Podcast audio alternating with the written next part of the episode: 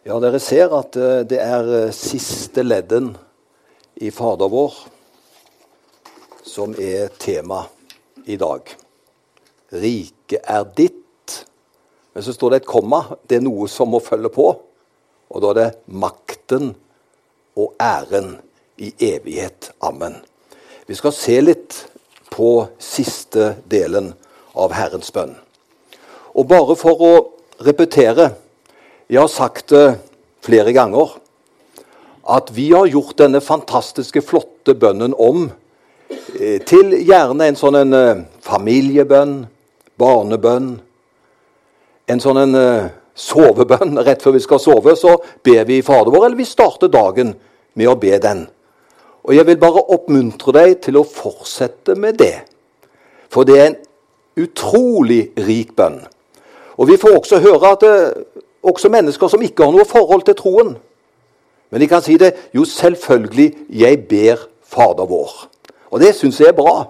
Det er noe de har fått med seg. Det er en arv, og det er noe som gir trygghet. Spesielt i eh, enkelte situasjoner. Så Fader vår, den bes av mange. Og det skal vi fortsatt gjøre, og vi har det også som et ledd i gudstjenesten vår. Og det er veldig bra. Men i utgangspunktet så var det disiplene som spurte Jesus kan du lære oss å be. Altså Det var disipler som spør Jesus kan du lære oss å be. Og du som har vært til stede på disse forskjellige eh, leddene Du kan også gå inn på podkast og høre det. Så vil du si at ja, dette har virkelig med et disippelliv å gjøre. Livet midt i hverdagen. Utfordringer som kommer. Da er den bønna. Da skjønner vi det er mer enn en kosebønn, altså. Det er noe som vi kan hente kraft og styrke og, og frimodighet i livets ulike situasjoner. Og Jesus han startet den bønna med å si at Guds rike er kommet nær. Og Derfor skal vi be 'Komme ditt rike og skje din vilje'. Og vi skal be som sagt at Guds rike skal komme iblant oss. Og det, Guds rike det er jo et rike som består i rettferdighet, glede og fred i Den hellige ånd. Og Når vi skjønner at Guds rike består i rettferdighet, glede og fred i Den hellige ånd, så skjønner vi dette her er jo noe som virkelig gjør at vi må åpne oss for Herren. Vi må be om at Han må komme inn, så den gleden, den rettferdigheten, den freden som Han ønsker å gi, den kan Han formidle som Fader vår ber på en måte en bro inn i vårt liv på disse områdene som er så viktige. Men det riket som eh, Jesus kom med, komme ditt rike Riket er ditt, makten og æren. Det er jo et helt annet rike enn et jordisk rike. Jeg må bare si det at Når jeg ser hvordan enkelte nasjoner håndterer sine ressurser så blir jeg veldig lei meg. For jeg tenker, Går det an å misbruke de ressurser som man har? Og noen har gjort seg så rike på de fattiges bekostning. Så vi kan si at når vi ser på de ulike riker som er i dag, så er det veldig trist på mange måter å se hvordan man bruker den arven og de ressursene som menneskene har fått til rådighet. Egoismen lenge leve. Det er fristende for meg å si det.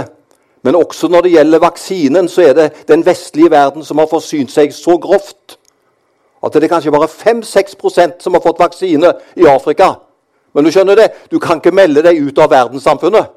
Så vi er nødt til å tenke i fellesskap mye bedre enn innenfor nasjonale grenser. Vi må hjelpe hverandre, og vi må stå sammen i denne verden for å bekjempe alt som vil ødelegge, og som vil komme med store skader til oss. Men det rike som vi skal snakke om i dag, riket er mitt, det er et helt annerledes rike.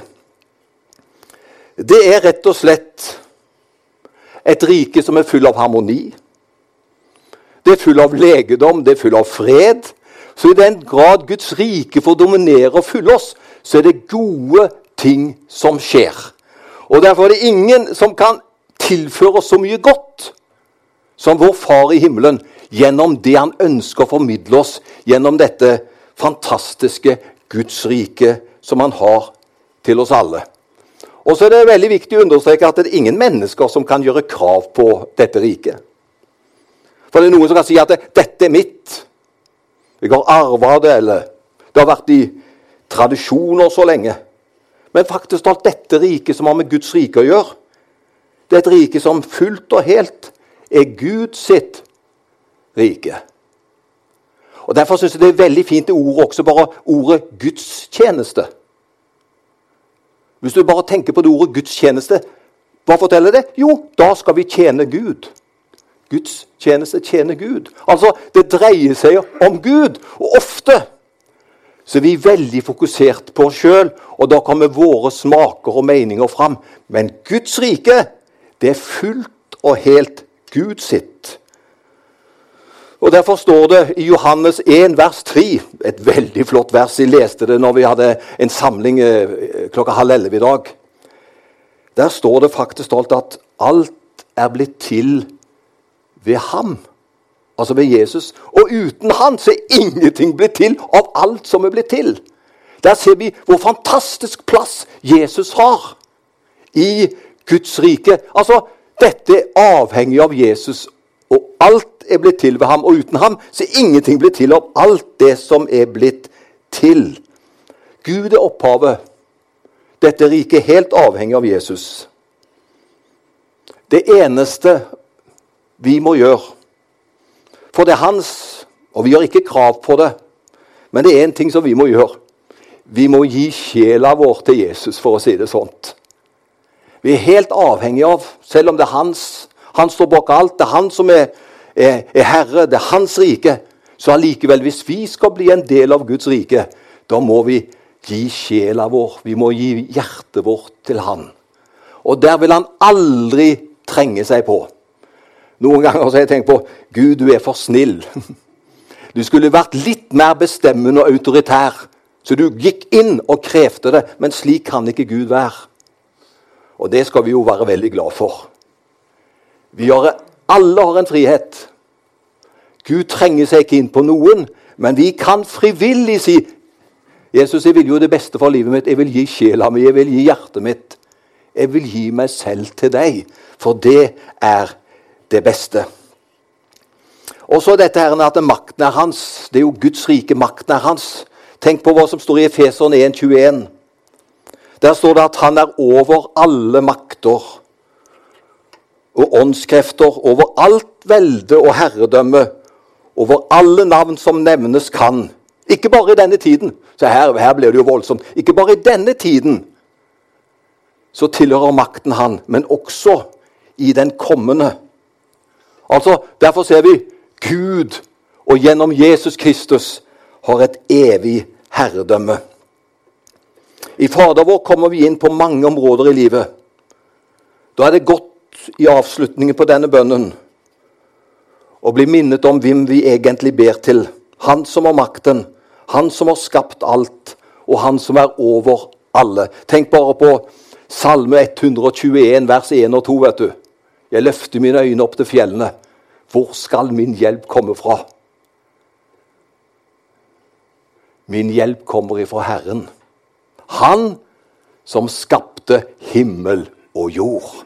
Altså, Det er ingen hvem som helst han som skapte himmel og jord. Jeg mener, Det er han som har sagt, som vil hjelpe oss, og det er derfra vår hjelp kommer. Men i dag så ser vi jo det at i denne verden så er menneskene veldig opptatt av å tilbe skapningen istedenfor skaperen. Det er veldig hvordan mennesker blir fokusert. Jeg vet ikke om dere har fått med dere, Det er jo en bitte, bitte liten detalj, men nå har han Tor Håvik. Han som var på Farmen, var det ikke det? Han har fått seg kjæreste. Og det står det om i alle mediene. Til og med VG så jeg det sto. Og Vårt Land hadde jo en stygg en. For der står det 'Det er hans første kjæreste'. Og så tenkte jeg, I all verden forskutterer de at det skal bli slutt? Men eh, i de andre så sto det at han har fått kjæreste. Er det så veldig interessant? Jeg vil si det er veldig interessant når han gifter seg. ikke sant? Det må vi slå fast. Men det bare viser verden er syk efter historier. Og det ser vi. Aviser, den kolerte presse er opptatt av å tilbe skapningen istedenfor skaperen.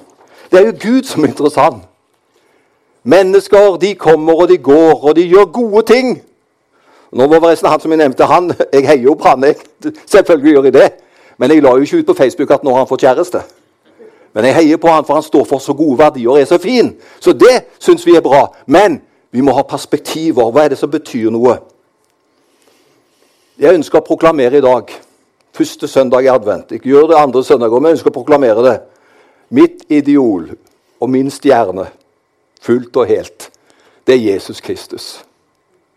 Jeg mener, til lenger jeg lærer å leve sammen med Jesus, så må jeg bare si det er han som er min stjerne. Og Luther han sa det jo veldig fint. Han sa at eh, Jesus er Bibelens kjerne og stjerne, sa han. Det er veldig flott. Mye bra som Luther har sagt. Han sa Jesus er Bibelens kjerne og stjerne.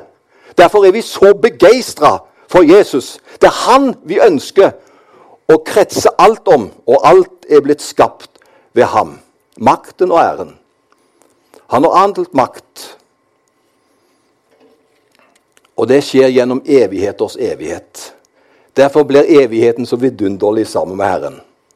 Men nå må jeg også ha en liten annen frekvens her. Fordi at makten og æren tilhører Jesus, så betyr ikke det at Gud bruker all sin makt. Og det skal vi jo være glad for. For hans makt er annerledes enn det vi forestiller oss. Hans makt består i at han har makt til å tilgi synder og makt til å reise oss mennesker til et liv i verdighet og framtidshåp. Det, det, har jeg bare lyst til å si at det, Guds makt og Jesu makt blir spesielt synliggjort til at han kan tilgi all synd. Han kan reise opp alle mennesker til en verdighet og til å gi et framtidshåp. Og Gud er total rettferdig. Han har ingen favoritter. Han er ikke underlagt det der som vi mennesker kan være. Vi har favoritter, og så har vi antifavoritter. Men han elsker alle mennesker. Og hans frelse det gjelder for alle mennesker. Det gjelder bare å ta imot det. Som jeg sa for et øyeblikk siden, vi må gi sjelen vår til han, hjertet vårt til han. Han kan ikke forlange det. Han bare ønsker det, men vi må gi respons. Gud er allmektig. Men nå må jeg si noe for å balansere, og dette står jeg egentlig for. Ja, dette står jeg for. Ikke bare egentlig, for å rette det opp. Dette står jeg for. Hører du det? Selv om Gud er allmektig, så betyr ikke det at han nødvendigvis griper inn og gir englevakt når vonde ting skjer. Noen ganger så er det noen som sier at 'jeg fikk englevakt'. Og Da vil jeg bare si takk Gud for det. Men så kjenner jeg mennesker og vet om mennesker og historier som opplevde grusomme ting. Nådde ikke englene fram der? Opplevde ikke de englevakt? De var jo like høyt elsket av Gud, og det kunne være mennesker som ja, så flotte, men allikevel så skjer dette. Noen ganger så skjer det mirakler. Og vi tror jo på det, og vi ber om at det skal skje. Men andre ganger så griper ikke Gud inn direkte på vår bønn. Noen ganger så må vi stå midt i utfordringene. Og Jeg er overbevist om at jeg vet det finnes mennesker her som har opplevd det. Du har bedt om dramatiske ting. Men så må du bare, og vi må alle bøye oss for, det er Gud som er herre. Og han leder, Tenk om Gud hadde ledet de kristne utenom vanskelighetene. Ja, Da ville jo alle blitt frelste. Men han gjør ikke det. Men vi har et løfte hos Gud at han er med oss gjennom alle dager. Og det er jo så mye lettere Selv om det er uansett så er det tungt, men det er så mye lettere perspektiv å vite. Ja, men Gud er med meg alle dager, også i mine utfordringer. Og så fører han oss gjennom. I denne verden så inntreffer det ulykker. og sykdom rammer.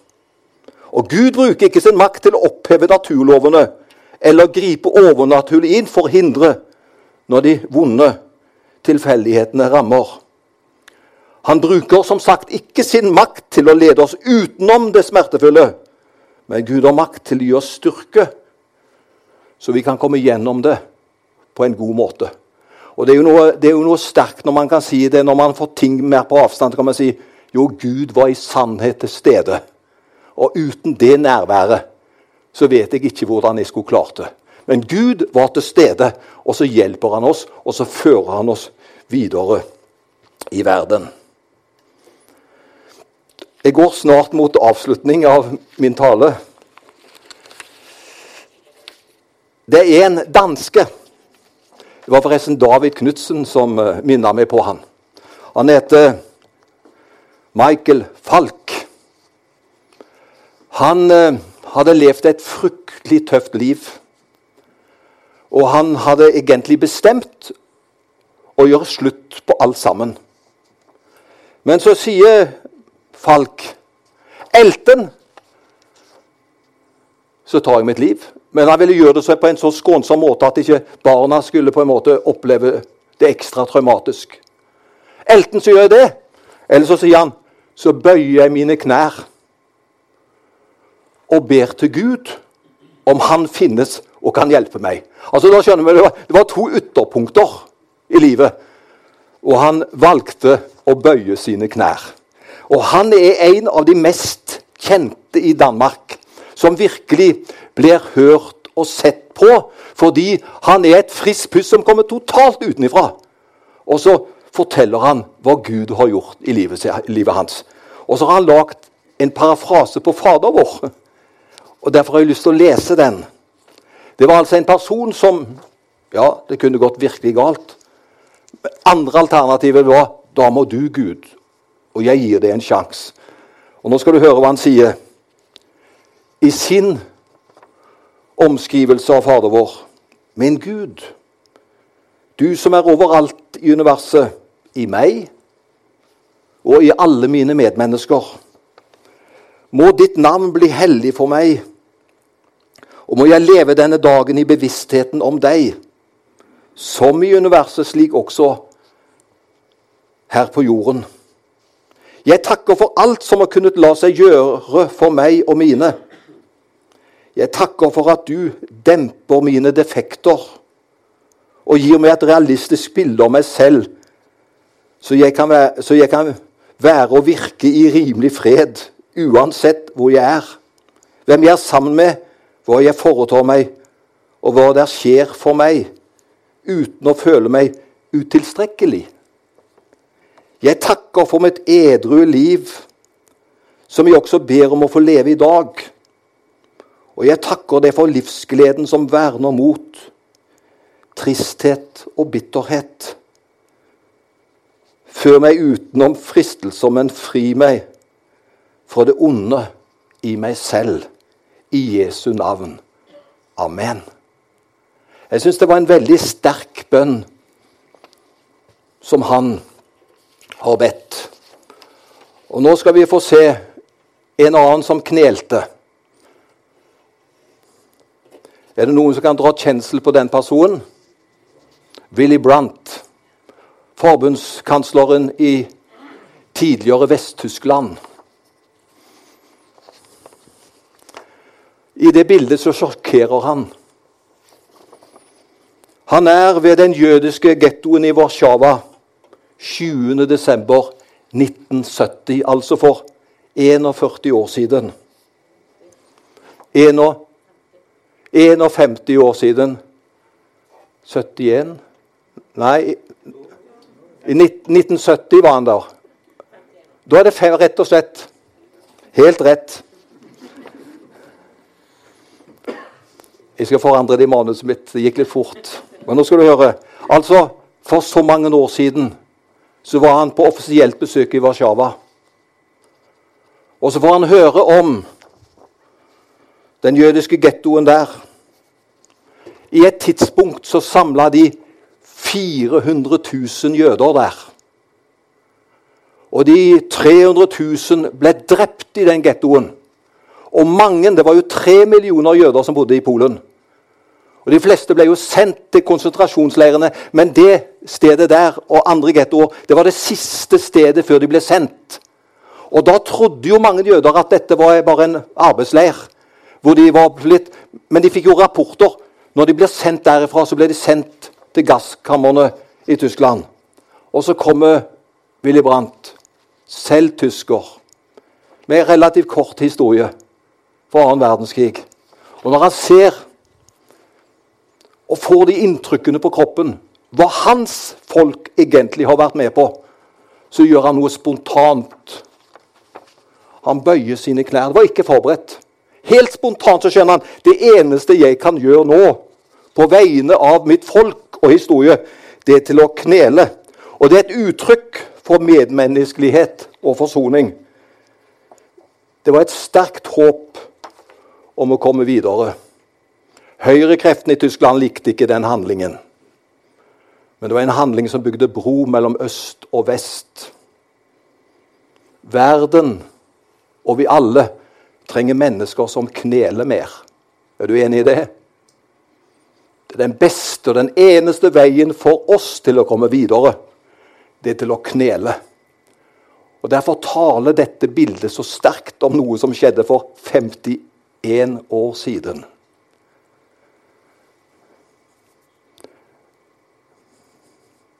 Fader vår. Snakke om tilgivelse. Fader vår snakke om alt mulig. Det er dette som er veien for oss. Det er på den måten vi kan komme videre. Skal vi be om modige politikere i dag? Skal vi be om modige kirkeledere? Skal vi be om modige samfunnsledere på alle plan?